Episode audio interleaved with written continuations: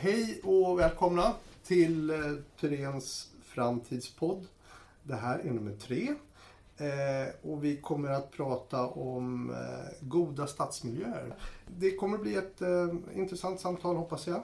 Och till höger här bredvid mig så har jag Mia Wahlström som arbetar med något som heter City Soul som är ett forskning och utvecklingsprojekt. Och så har vi Björn Hellström. Du eh, jobbar här på Tyrens med social hållbarhet och stadsplanering. Och du är också professor på Konstfack. Eh, det ska bli intressant att höra hur du kombinerar det där och vad du gör. Och Björn, eh, du, du, jag tror du får berätta själv vad, vad du är på Tyrens och på, på Konstfack och hur mm. du kombinerar det. Jag har lite olika hattar på mig beroende på vad jag gör. Så att jag, jag, alltså vad gäller praktik så det, saker som jag kan göra eh, handlar om musik och arkitektur. Jag har jobbat som musiker i tio år under 1980-talet på heltid.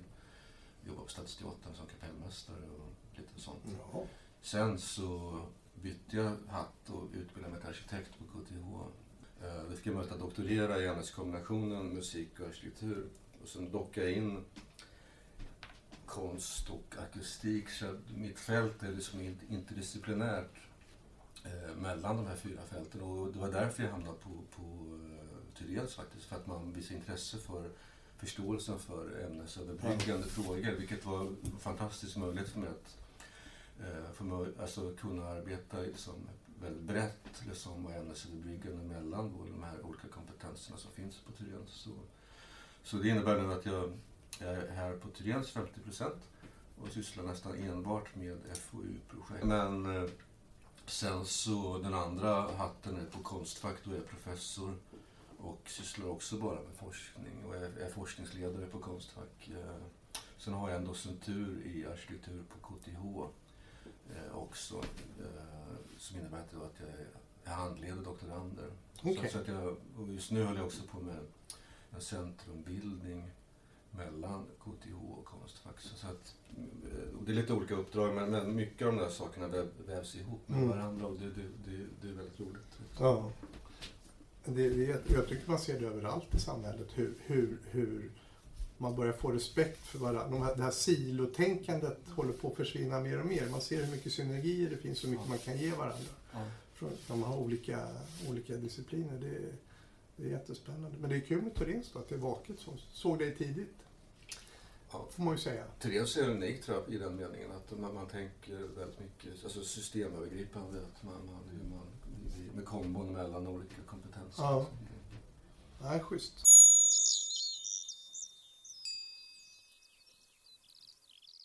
Om man ska, får en, en stadsdel eller en stad att, att vara attraktiv, att det skapar möjligheter att göra det ännu bättre. Alltså, mm. Inte bara marknadsföringsmässigt utan jag menar rent fysiskt. Att det, eller?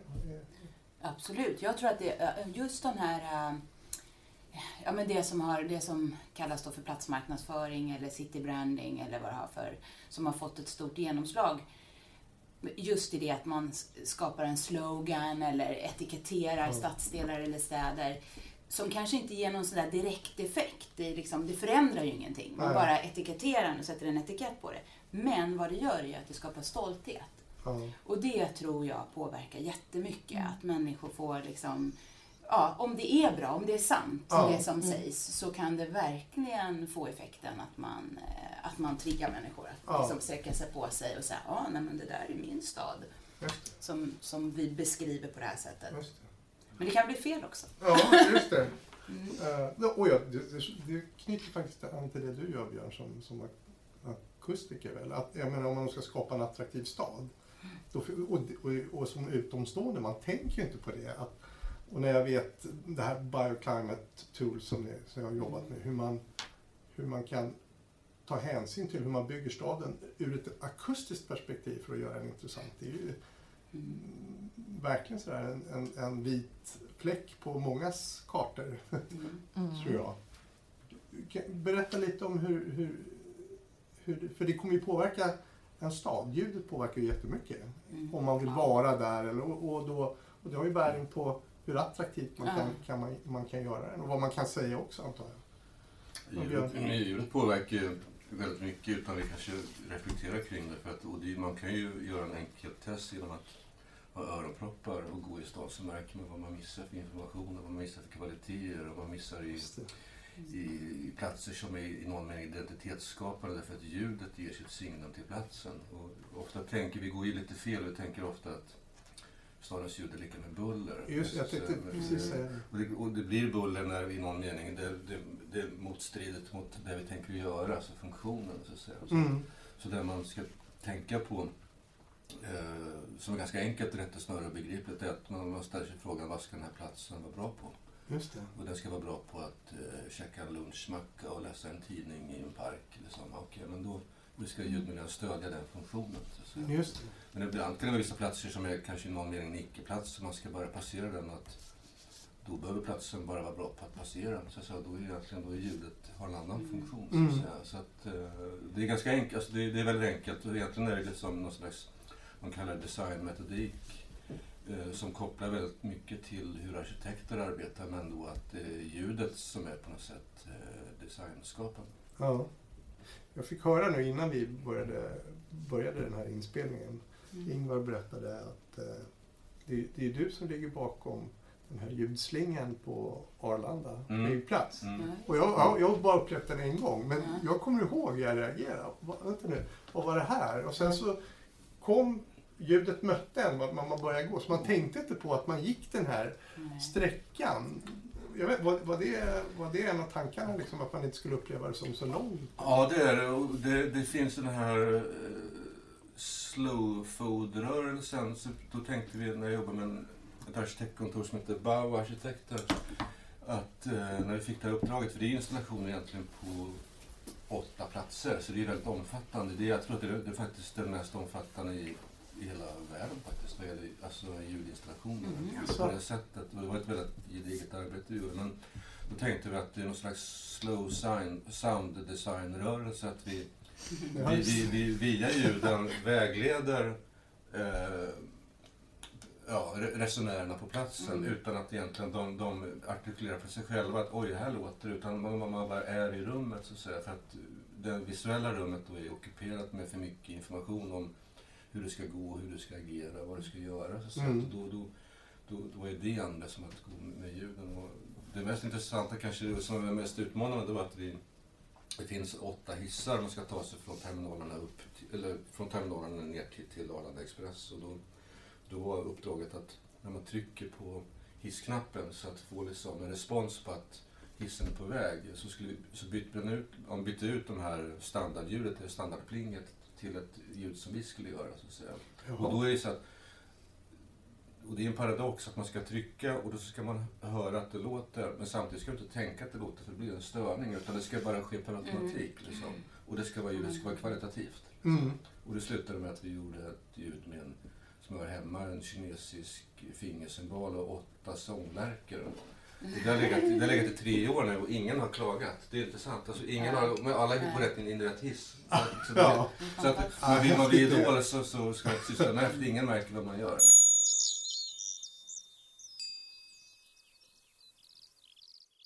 Jag tycker det är jätteintressant för faktiskt var ljudet, att, att vi fortsatte sen att jobba med städers själ, att det blev liksom en av de fyra framgångsfaktorerna. Ja, Ja. som vi identifierade då i den här studien Stadstrender. Det var just ljud. Därför att när vi kom, jag tror att det var, jag kommer inte ihåg vilket det första var, men ett av de första var i alla fall i Istanbul. På den här marknaden, Grand Bazaar heter Mm. den va, där är, de säljer massa prylar. Ett taxi med.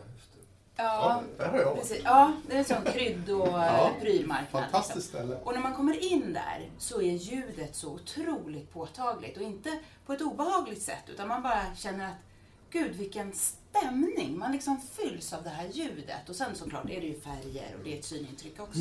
Men jag vet att vi pratade om det när vi skulle sätta ord på det där. Vad är det här liksom det här ah, som man inte kan ta på men som ändå är så tydligt att gud vad vi gillar den här stan på grund av det där. Ja. Då var just sinnesintrycken och framförallt ljuden jättetalande. Som det är de exemplen vi fick med oss. Mm. Och det var då vi sa att ah, men vi måste nog kalla det här för själ. För vi kan liksom inte hitta något Det går inte att hitta något mer Nej. På, fran konkret. på franska säger man ambiance, alltså ambiensen och tyskan atmosfär. För att det Ja. innebär att vad människan gör i rummet, vad människan skapar Ja. för ljud. Och det finns en intressant koppling, alltså den ultimata, det ultimata kontorslandskapet som så att säga i någon mening kreativt då är Mm.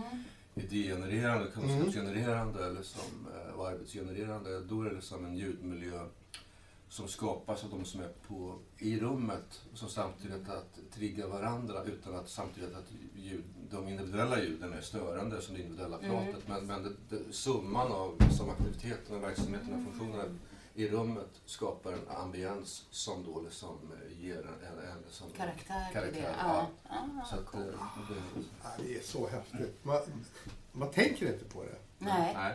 Och sen så förstår man hur stor, hur stor påverkan det har. Mm, mm. Det har inte alls med saken att göra, men jag tänker på, jag hörde på något radioprogram för länge sedan, just hur, hur eh, man slår igen en bildörr, alltså hur konstruktörerna Ja, försöker det. uppnå ett visst ljud som ska signalera Mm. kvalitet. Mm. Och likadant när man, eh, det var någon askkopp tror jag, som skulle göra ett ljud när det åkte ut för att Ja, just det. signalera. Det, Ja, ja. det.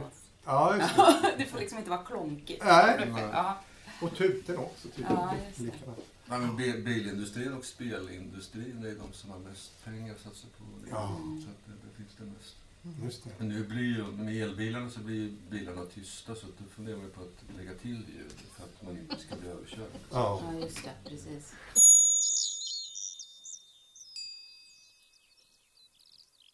Men, men båda, ni båda är involverade i två projekt vet jag. Som är alltså forskningsprojekt Ja. som Tyréns driver via den här eh, stiftelsen. Mm. Och Stadstrender är en sån, eller City Ja. Soul? Eller Ja, precis. Nu är det ju så att det är egentligen mitt, min, jag är industridoktorand då på KTH. Mm. Som, och det eh, projektet, eller vad man ska säga, är finansierat av stiftelsen. Och där driver jag City Soul Okej, som ett av mina forskningsprojekt. Just Så är det. egentligen. Stadstrender var ett, eh, förut ett eh, projekt som var, men det är liksom avslutat nu rent Mm. pengamässigt. Men de hänger ihop. Kommer man, kom, kommer man som eh, kommer Tyréns eller Tyréns uppdragsgivare eller, eller vi andra hur kommer vi ha nytta av det du Ja, fram, framförallt så är ju allt jag kommer fram till är ju publikt. Alltså det är ju min forskning. Ja, Ja. Men sen så använder vi ju den här kunskapen i uppdrag konkret. ja, Eh, så att eh, på det sättet så får ju Tyréns direkt nytta av eh, den, de resultaten jag får fram.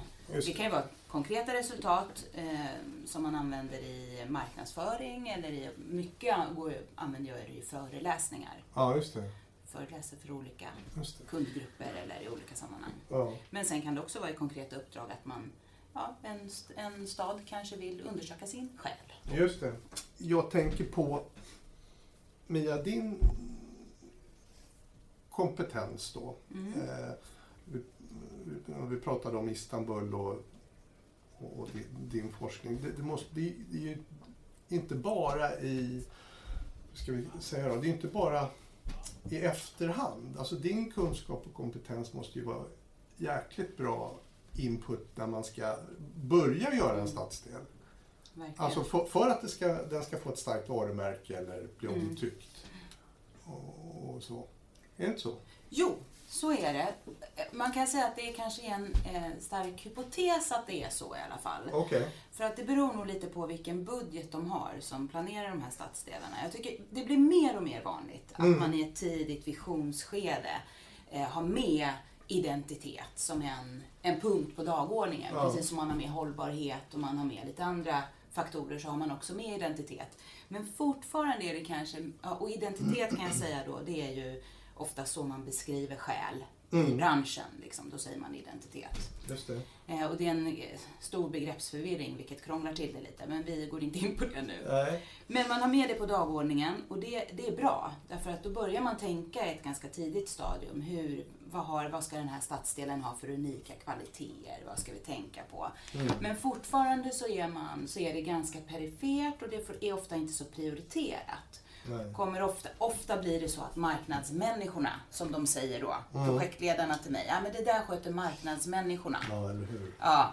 Och det kan ju vara lite synd, för man Mm. kan ju tycka att eh, det här är ju ett liksom om, om jag skulle få bestämma så skulle jag ju säga att det här är en av de viktigaste faktorerna för att det här området ska bli värdefullt Mm. för en lång tid framöver. Mm. Så att det borde få lite mer tyngd än att komma sist på prioriteringslistan och enbart då hos marknadsavdelningen Ja. som har en stor kompetens men kanske inte tänker på alla sociala och alla mm, faktorer som är viktiga. Absolut. Eh, ja, det, ja, nej, jag håller med. Och det går upp för en nu tycker jag när man sitter och, och lyssnar Mm. på det här. Hur, hur tydligt, ja, det blir så tydligt vilket behov det finns. Och vi hoppas att det gör lite nytta den här podden, att det sprider sig faktiskt.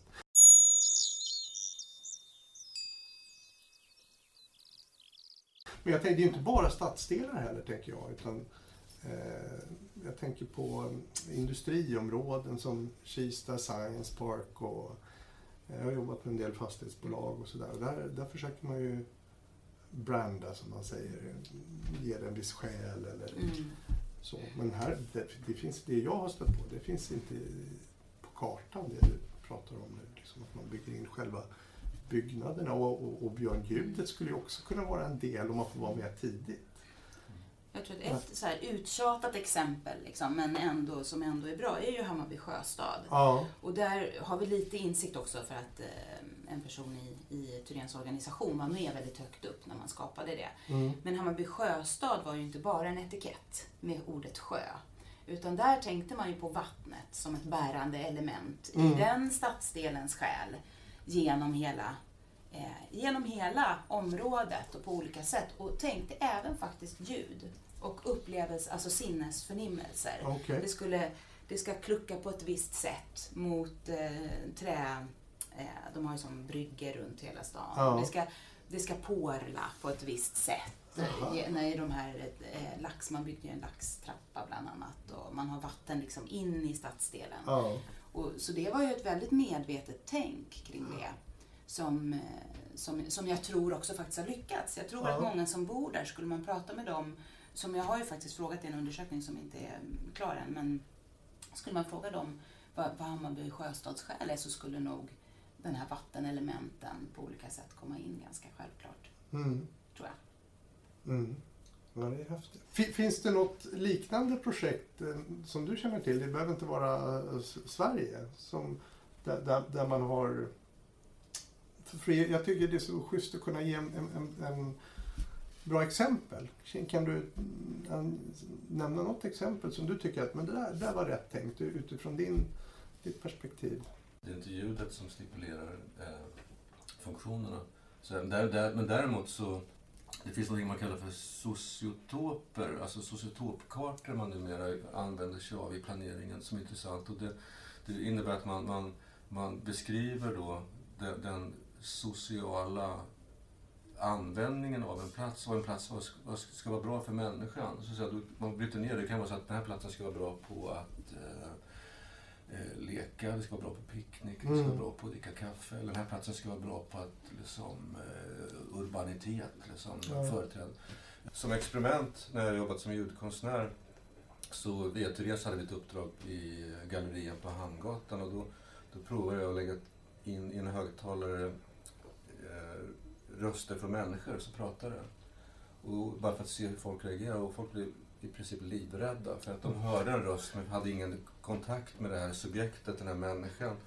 Eh, och det har jag provat på andra platser också så det är en lärdom att just att vi, vi, vi, alltså vi är faktiskt, nästan alla av oss är ju sociala individer Ja. säga, som vill ha kontakt och då liksom, om det finns en diskrepans då liksom, me- me- mellan, mellan det vi ser och det vi hör så blir det problem. Så att säga. det, det, Och Att det är så starkt kopplat till trygghet också. Ja, tänker jag som ja, grundläggande Ja. Mänskligt behov. Liksom.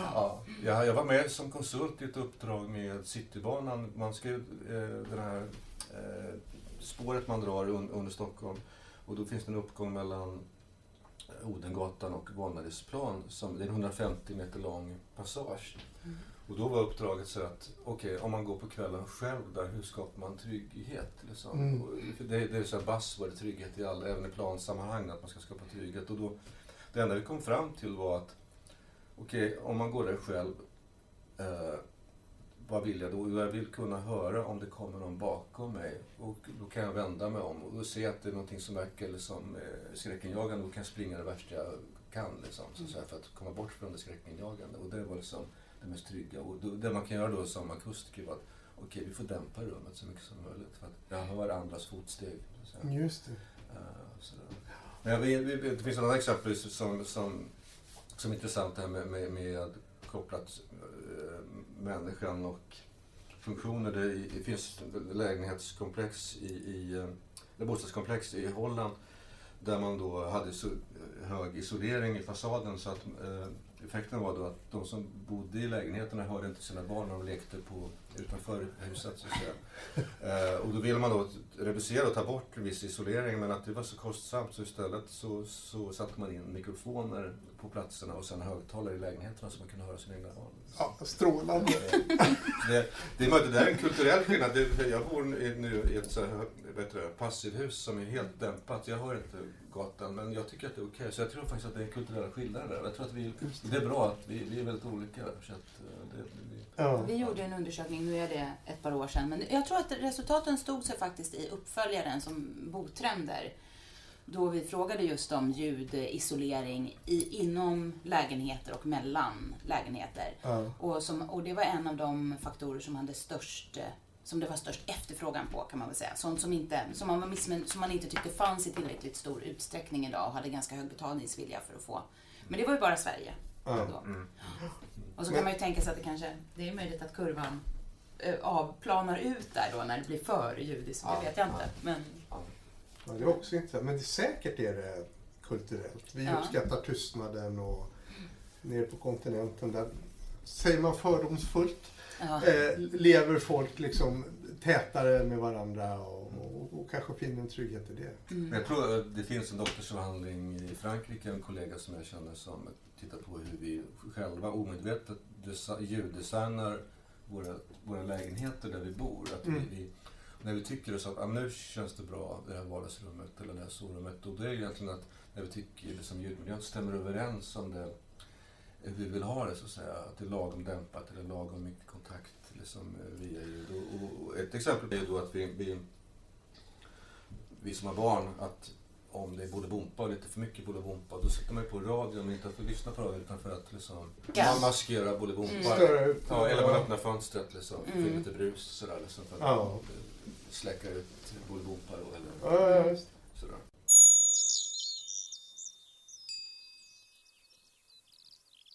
Mia, du har ju varit eh, runt i världen vet jag. mm, och tittat på olika riktigt stora städer.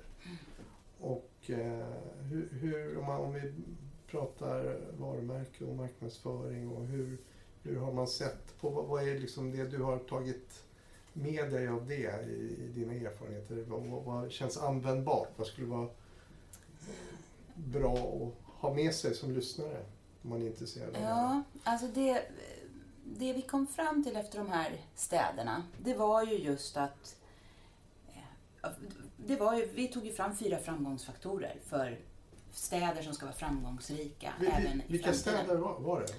Du. Det var tio städer och Ja. de var ganska spridda över världen. Det fanns en tanke med det att vi skulle ha olika geografiska och meteorologiska förutsättningar och sådär. Okej, Så det var eh, i Nordamerika var det, vi behöver inte ta alla men nej men det var till exempel, det var de självklara städerna kan man Ja. säga. Det var New York, San Francisco, Toronto var med, så var Sao Paulo med, kanske lite mer oväntat för att Ja. det kanske inte ses som en väldigt lyckad stad.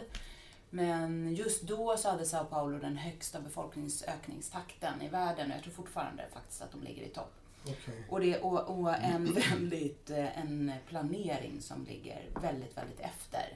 Så stan hinner ju växa förbi liksom, den nya tunnelbanestationen som man bygger och sådär. Men också världens eh, högsta andel helikoptrar eh, per capita. För att eh, man, eh, det finns inget sätt, alltså det är sådana bilköer.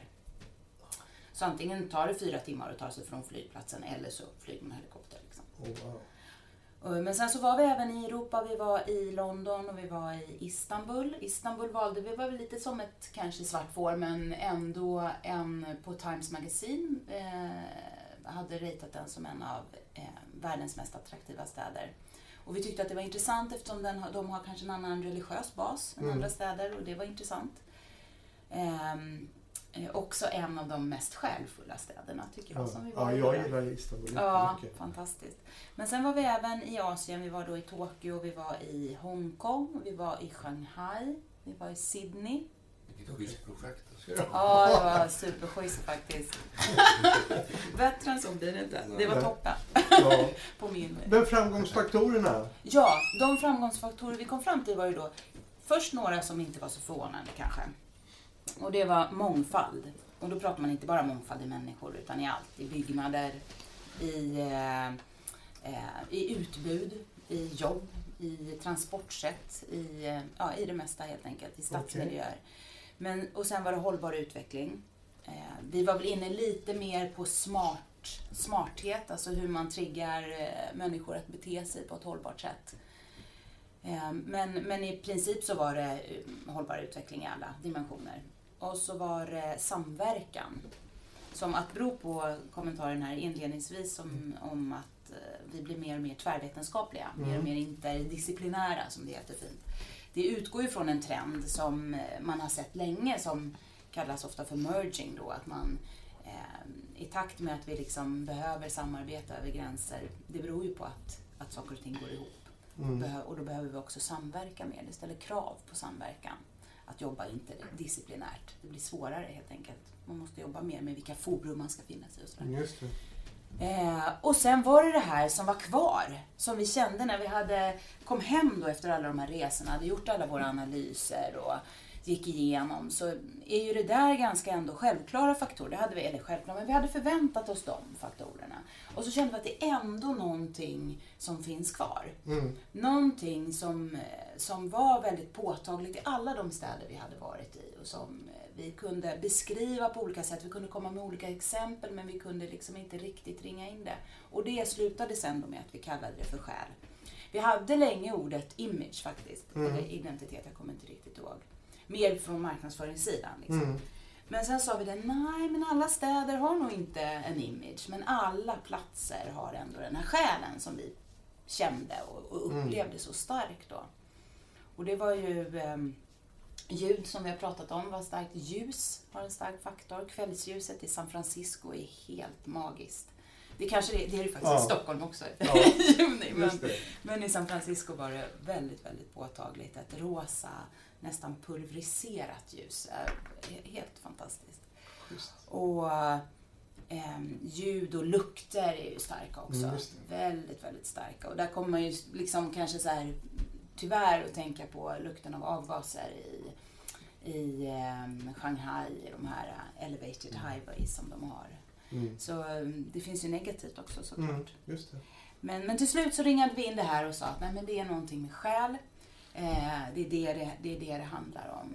Och, Mm. ehm, och fick det bekräftat också mycket. De, gjorde intervjuer med personer i de här städerna. Okej.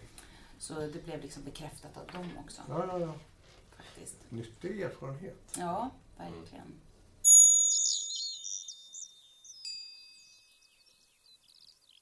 Bra, nu berör du samverkan också. Det vet jag också är en, en, eh, en disciplin du håller på med. Samverkansprocesser i... Ja, det är mer Ja. faktiskt Björn som gör det. Du är ju den Just stora det. samverkansexperten. Av oss två i alla fall. Nu ska vi inte överdriva. Jodå. Jag ger pengar sen efteråt. Men Slussen vet jag, där har vi, har vi väl varit med i... Vi, säger jag, men ni, eh, Thyréns, Mm. har varit med i, i den processen. Där tror jag det är säkert ett stort allmänintresse eftersom det har varit så många turer. Hur, hur har det sett ut? Alltså, man kan prata om effekterna för att alla känner ju till eh, problematiken med turbulensen och friktionen kring projektet. Eh, och för två år sedan så, så, så såg jag en utlysning av Vinnova där man då pratade om en sån här innovations...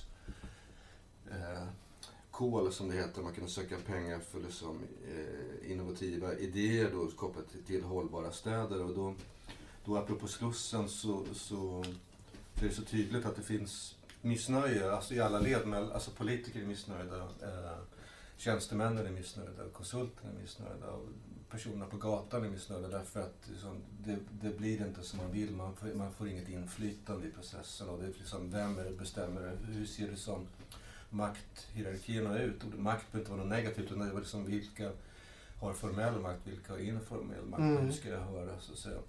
Och det där är inte bara Slussen utan det är egentligen det här, egentligen alla mer eller mindre planprojekt. Allt från att liksom, eh, en liten fill in att man ska bygga någon bostad i något sammanhang eller till någon helt stadsutvecklingsprojekt kantas av klagomål så att säga, av, av de som berörs av alltså mm, närboende exempel. Och det, är, och det, är, det är ju rimligt, liksom. det, det, det, liksom, det förstår Verkligen. man. Ja, för det har man ju själv ofta drabbats av också i olika sammanhang. Men då, då inser jag väl, liksom, när jag pratar med många kollegor och även på Tyren, så att vi har väldigt lite kunskap om hur det går till att, att ha en dialog, hur man då får med folks kunskap i, i, i en process. Eh, och då sökte jag pengar eh, och det bygger på då att eh, jag har en hypotes att man, man skulle kunna liksom möta problematiken på två sätt. Det ena sättet kallas för co-design forskningsmässigt och det går egentligen ut på att hur fångar jag person, alltså intressenter i den meningen, de som kan någonting lokalt om en plats, hur fångar jag deras kunskap och omvandlar den kunskapen till, till, eh, till liksom ett vetande, så att säga, ett görande i, i, i en planprocess. Mm. Det kan låta enkelt, men, men det, det, är ganska komplext. Men det kan vara så att... Alltså en brev, enkelt för mig. Nej, nej, man kan tänka sig att en brevbärare måste kunna jättemycket om den här platsen. Eller mamman som går ut med hunden, eller dagiskidsen kan ju väldigt mycket. Och då borde man ju lyssna på för att alltså, arkitekterna har ju inte de platsspecifika liksom, kunskaperna. Så hur går det till för att fånga deras kunskap och få in det i en planprocess? Det var det ena spåret. Det andra spåret handlar om, som kanske egentligen mitt fält mest, det är att hur kommunicerar de som har betalt för att jobba i en planprocess? Alltså hur jobbar politikerna, eh, tjänstemännen som då kan vara stadsplanerare, trafikplanerare, miljöplanerare och hur kommunicerar man mellan? Så då har jag en idé om som, som kallas interdisciplinär tjänstedesign som då förutsätter att en kunskap plus en kunskap blir en tredje kunskap. Så mm. det handlar inte om att man lägger dem på hög så att säga. Mm. Så de två spåren, kodesign och interdisciplinär tjänstedesign, är då det vi beforskar. Vi fick då beviljat eh, pengar för det här projektet. Vi är då Konstfack, eh, jag är projektledare, men då Thyréns en stark part som via FoU har gått in med väldigt mycket resurser både i, i tid och i synnerhet då med kompetens. Så att det är ett helt gäng här på Thyréns som vi har miljöexperter, vi har eh, beteendevetare, vi, har eh, stadsplanerare etc. och nationalekonom som går in som verkligen är behjälpliga. För att, eh, jag ska säga också att fokus, alltså det här, de här frågeställningarna om, är, är ju så komplexa med hållbarhet men, men då har vi smalnat av det till att syssla bara med social hållbarhet. Alltså, ja. uh, som, som är en viktig del i det här. Då, det otippade kanske som, som och jag tror att Vinnova var intresserade av att vi, vi, vi har andra glasögon så att säga. Så att uh, vi har med konstnärer, med filosofer, med ja. organisationsteoretiker. Oh, alltså andra som kan om platsen. Uh, och, och, så, och, det är väldigt bra, men då behöver vi ha någon att hålla handen och det är någon på Thyrén som har de här uh, kan liksom planprocesser, som kan, mm. ha, liksom, kan regelverket och har liksom varit på, på plats. Liksom, så, så vi har en väldigt bra dialog liksom, mellan uh, praktiken, och det praktiknära och det, det, det liksom akademiska. Så. Ja. Är, är, är målet att få en metodik som man kan mm. ta hjälp och stöd av för att...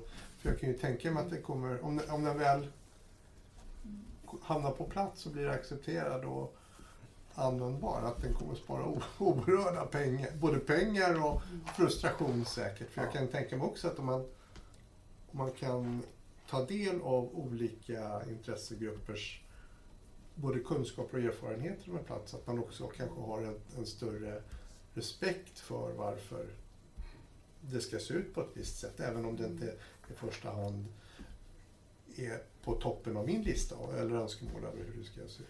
Nej, alltså det, det, det, det, går ju att räkna på det. Jag tror att vi inom projektet kommer ge räkneexempel. Men det är ju så att man kan tänka sig att ju färre överklaganden, desto snabbare går processen och tid och pengar, desto billigare blir det. Mm. Liksom, att- men, men det här bygger på att man är lite mer noggrant i en tid. Det här handlar om tidiga skeden när man då funderar på att ja, vi borde liksom eh, bebygga den här platsen eller, eller sådana saker. Mm. Så att, eh, men, men också att vi fick pengar tror jag, för det handlar väldigt mycket, det, är, det handlar om 22 miljoner så att det är, det är en väldigt stor budget. Oj.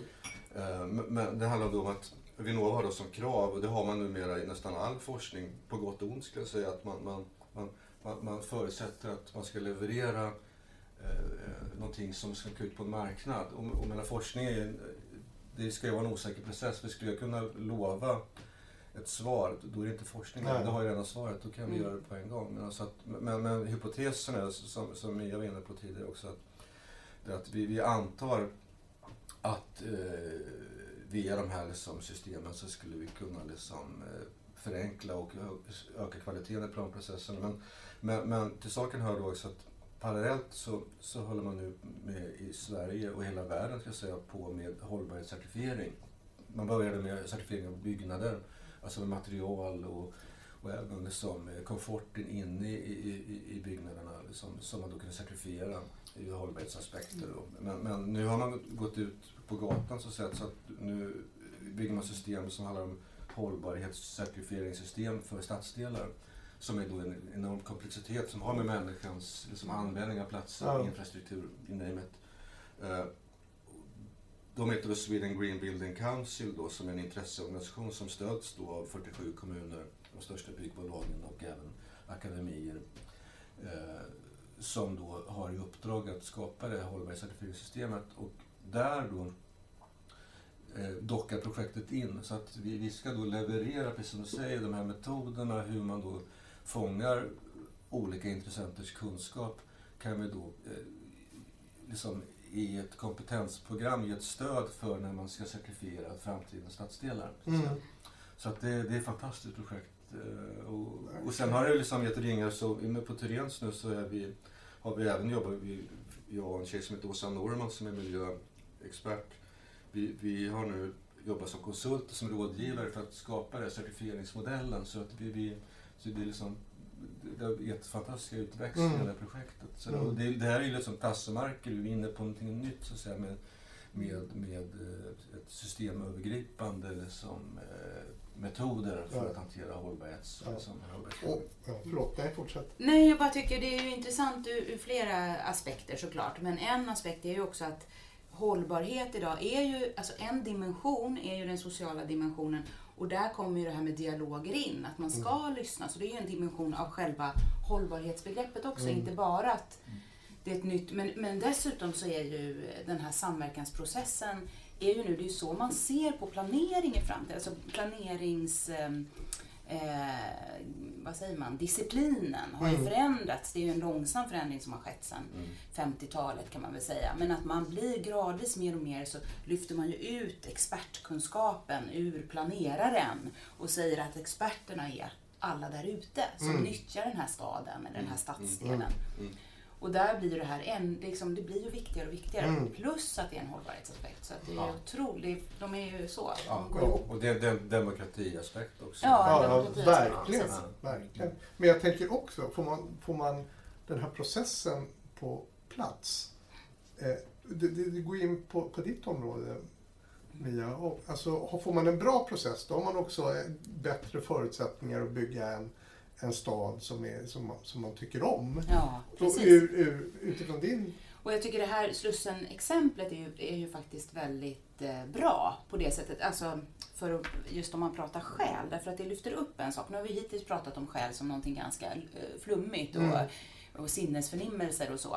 Men min hypotes, och det är det jag vill undersöka egentligen i min forskning, det är ju att det är också väldigt knutet till den fysiska miljön. Mm, Att det, och Slussen är ju ett typexempel där som är där man kanske hade Istället för att börja, nu vet inte jag, har inte varit inblandad i projektet, men istället för att börja titta på som man gjorde med Slussen då för länge sedan, hur ska vi förändra Slussen? Så kanske man skulle börjat med att fråga sig, eh, vilket man kanske gjorde men inte tillräckligt, fick kanske inte tillräckligt stort utrymme, vad är Slussens själ? Mm, Hur används den här platsen och vad, hur upplever människor den? Mm. Och vad är det viktigt att bevara och vad är det viktigt att inte bevara? mm, Sen behöver man inte lyssna på alla, för alla är olika och folk vill egentligen inte förändra så mycket. Men, men eh, det hade ju varit intressant att se hur hade man, hur, vilket förslag hade, hade sprungit ur den processen. Verkligen. Om man hade börjat så. Och jag tror att identitet är ju en sak, eller själ eller vad man nu vill kalla det, som, eh, som på något sätt där man måste ut och fråga. Nej, man kan ju börja med att sätta etiketten och säga det nya Slussen eller ja, ni vet. Mm. Eh, When in Europe, don't miss Skurup eller något sånt där som de har. Olika slogan som finns i, Ja, ute i ja. världen. Men jag tror att man, ska man, gör man det ordentligt då måste man fråga och då har man Ja. ett tillfälle också och en bra, kanske en bra anledning att fråga Ja, människor. visst. För det här med själ är ju något som de flesta gillar att prata om. Mm. Ja, det det. det, jag håller med. Och så, just som, som du tar upp med också, det här med alltså, att man... Det är viktigt att lyssna och viktigt att ta till sig kunskap men det, däremot betyder det inte då att alla ska vara överens. För att det, det kommer aldrig att ske. Det, det, man, det är lite korkat att tro det. Utan Mm. det här med konsensus-tänket, jag tror inte att det är ett, en framkomlig väg. Utan det handlar om relationer, egenintresse, allmänintresse. Och det kan vara så att, okej jag förstår som mina egenintressen, att min hund ska pinka med skogsdungen kanske inte är viktigare än att vi bygger en skola där. Så, så, Nej, och precis. jag behöver inte hålla med, men jag kan förstå att det är viktigt att vi behöver faktiskt ha en skola där. Ja. Och Mm. det- Och jag tror man köper den tanken också. Att Mm. alla kan inte få som de vill. Nej. Alltså, Nej.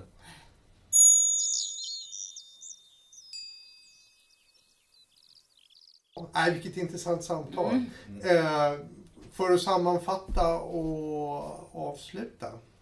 Det jag tar med mig av det här det är det, det är verkligen vikten av ljud och hur man i branschen behöver och hur man upplever en plats. Hur man, hur man verkligen behöver ta in det tidigt i processen. Hur en plats kan marknadsföras och vad som är viktigt. Att det också är med från början. Det är vad jag, vad jag tar med mig. Att man ska ha med det tidigt och inte att det kommer i efterhand. Hur, hur upplever ni det här? Gav det något som ni eh, er emellan, tänker jag? Ja, vi har ju träffats tidigare. Ja, det förstår jag. Men som ni inte har hört för, för eller var det något ni tog intryck av? Ja, det är det ju. och, det. och För egen del så har jag gått från akustikavdelningen till plan och exploateringsavdelningen. Så nu sitter vi nästan nästgårds här. Ja. Med, så, så att, och det, det, det är ju fantastiskt. Alltså hela, den, hela de här avdelningarna som sysslar med planering i olika sammanhang. Trens, Det är fantastiskt. Alltså det finns så otroligt mycket kunskap och kompetenser på olika, i olika former. Då, som, som eh, ja, det är väldigt en kreativ miljö skulle jag Ja. säga. Så- Jag har varit bara för att jag fick, innan det här samtalet så fick jag, eh, så jag blev ombedd att slänga fram ett köttben liksom. Jag ska, jag ska dra den snart. Ja, gärna. Ja. Gärna. Eh, och det var att min hypotes är att hållbarhetsbegreppet är på väg att fasas ut. Vi, vi kommer snart inte prata om hållbarhet därför att det kommer vara en självklarhet, Ja. det kommer vara ett krav. Så Mm. att det, det, som, det finns ingen anledning.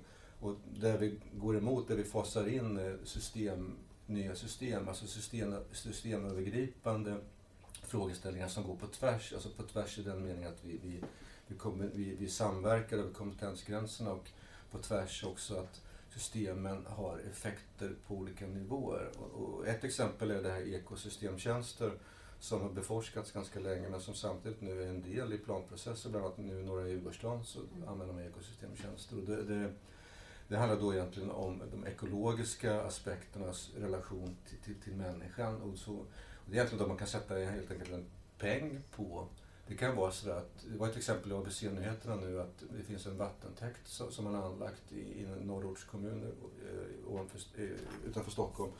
Där man då kunde sätta en peng på att eh, X pengar liksom för, av, av rekreation och kulturella värden. Att, att man kunde liksom använda den platsen så, så, eh, på, på sin fritid så att säga. Mm. Eh, och det där, sen Hade ett visst värde. har ett visst värde. Och sen även att du liksom i ett planer, när du planerar norra Djurgårdsstaden just med, med grönytefaktorn och pratar om liksom, eh, hur ekosystemet då liksom på olika nivåer påverkar liksom, luft, påverkar ljud, det påverkar trafik. Så att, så att, och då innebär att flera kompetenser samverkar. Och då menar jag på det jag tror också som är inne, jag är rätt säker på att något annat, som, en, annan, en annan system, det skulle man kunna kalla för samhällssystemtjänsten.